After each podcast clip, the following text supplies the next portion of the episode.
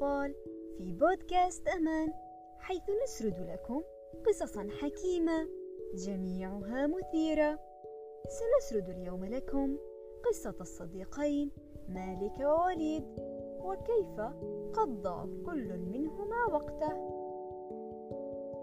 ولكن قبل أن نبدأ القصة يجب علينا أن نغمض أعيننا أولا. سأعد إلى الثلاثة حتى تغمضوا أعينكم. واحد اثنان ثلاثة. كان يا ما كان في قديم الزمان طفلان صغيران. أحدهما يدعى مالك والآخر وليد. كانا مقربان جدا من بعضهما البعض. يلعبان ويأكلان ويقضيان جل وقتهما معا. مرت الشهور والأيام وأصبحا في عمر يجب عليهما دخول المدرسة فيه وفعلا سجلا في نفس المدرسة وبدأت حياتهما الدراسية معا وكما تعرفون يا أطفال أن طالب المدرسة يجب عليه أن يجتهد في دروسه أليس كذلك؟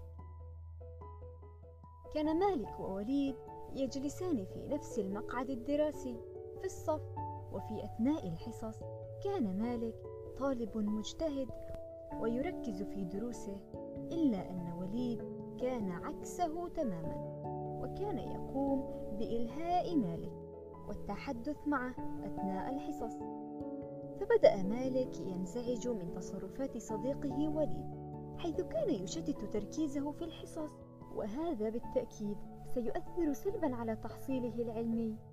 وفي أحد الأيام قرر مالك مصارحة صديقه وليد فبينما كان يجلسان معا ويلعبان وقف مالك أمام وليد وأخبره أنه لا يريد الجلوس معه في نفس الدرج إن لم يلتزم الصمت أثناء الحصص كما ونصحه للاهتمام بدروسه أكثر وترك اللعب والمشاكسة أثناء الحصص واستغلال وقته بأشياء مفيدة برأيكم ماذا فعل وليد في هذه اللحظة؟ انزعج وليد جدا من صديقه مالك وصرخ في وجهه قائلا من أخبرك أنني أريد أن أجلس بجوارك أيها الأحمق؟ فمن اليوم نحن لسنا أصدقاء ولتنفعك دروسك تلك. تفاجأ مالك من ردة فعل صديقه وانزعج جدا فقد كان صديقه الذي يرافقه دوما كما أنه كان يحبه رغم طباعه السيئة لكنه مع ذلك لم يستطع قبول تصرفاته تلك. وهنا انتهت صداقته. لكنهم ما زالوا يلتقون بشكل مستمر في المدرسة. فماذا برأيكم حدث معهم؟ انتهت السنة الدراسية الأولى وأحرز مالك المرتبة الأولى في صفه. لكن وليد كان تحصيله العلمي متدن جدا. وهكذا بقي الحال حتى وصل المرحلة الإعدادية. وهنا كان مالك قد بدأ بحفظ القرآن الكريم كما أن قراءة الكتب كانت من عاداته الأساسية وفي نفس الوقت كان يحب الرياضة ويمارس هوايته بها مع زملائه في أوقات الاستراحة وبعد دوام المدرسة لكن ماذا عن وليد؟ كان وليد متأخرا سنة كاملة عن مالك في المدرسة بسبب رسوبه في إحدى المراحل وأما عن أوقات فراغه فكانت المسلسلات والألعاب القتالية تشكل إدمانا بالنسبة له فكان قليل الحركة وكثير الكسل. مرت الأيام والسنين ولم يعد مالك ووليد يلتقيان فقد اختار كل منهما أن يكمل مسار حياته بشكل مختلف عن الآخر.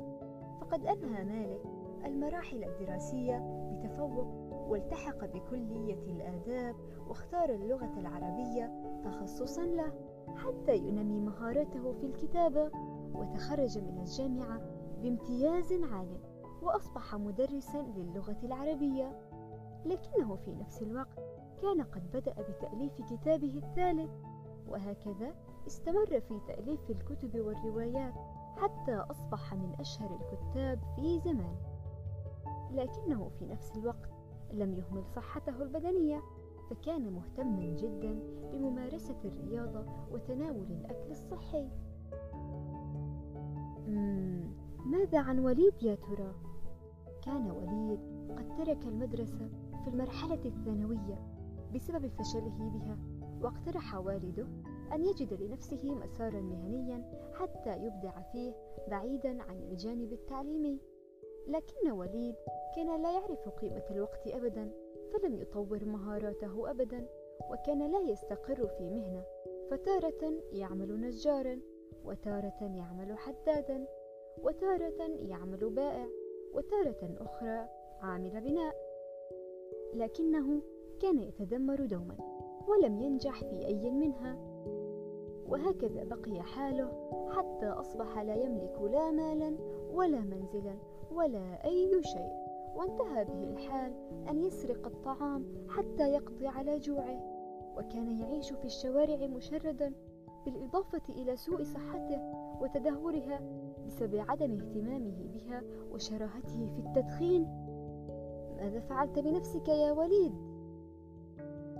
وفي إحدى الأيام بينما كان وليد يأكل شطيرة الفلافل التي لفت بورق الجرائد لفتت نظره صورة يعرفها جيدا على أول صفحة من الجريدة. فتناول الجريدة مسرعا وفتحها حتى يكتشف أن تلك الصورة هي فعلا صورة صديق طفولته مالك. فقد كانت صورته تحت عنوان الكاتب الشهير مالك يفتتح مكتبته الخاصة. هنا عاد وليد بذاكرته للوراء وتذكر صديقه مالك عندما نصحه بالاجتهاد واستغلال الوقت فلم يكن يعلم حينها قيمة نصيحة صديقه وبدأت دموعه تنهمر على وجنتيه من الحسرة والندم. فقد فاته الكثير من الوقت الذي كان بإمكانه تطوير نفسه وذاته فيه. يا لها من خسارة فادحة. للذات وللنفس وللوقت. في النهاية كانت هذه القصة لتعطيكم العبرة بأهمية الوقت. فالوقت هو أغلى ما نملك وعلينا استغلاله جيدا بما يفيدنا ويطورنا ويقربنا من الله سبحانه وتعالى. فاللعب والمرح أمر ضروري لنرفه عن ذواتنا لكن لكل شيء وقت خاص ويجب أن لا نهمل أنفسنا ونعمل على تحسينها باستمرار. هذه هي قصة وليد ومالك مع الوقت. هل استمتعتم بالقصة يا أطفال؟ أتمنى ذلك وأتمنى أيضا أن تكونوا قد عرفتم قيمة الوقت وتستغلوه جيدا. أما الآن فأتمنى لكم أحلاما سعيدة. تصبحون على خير.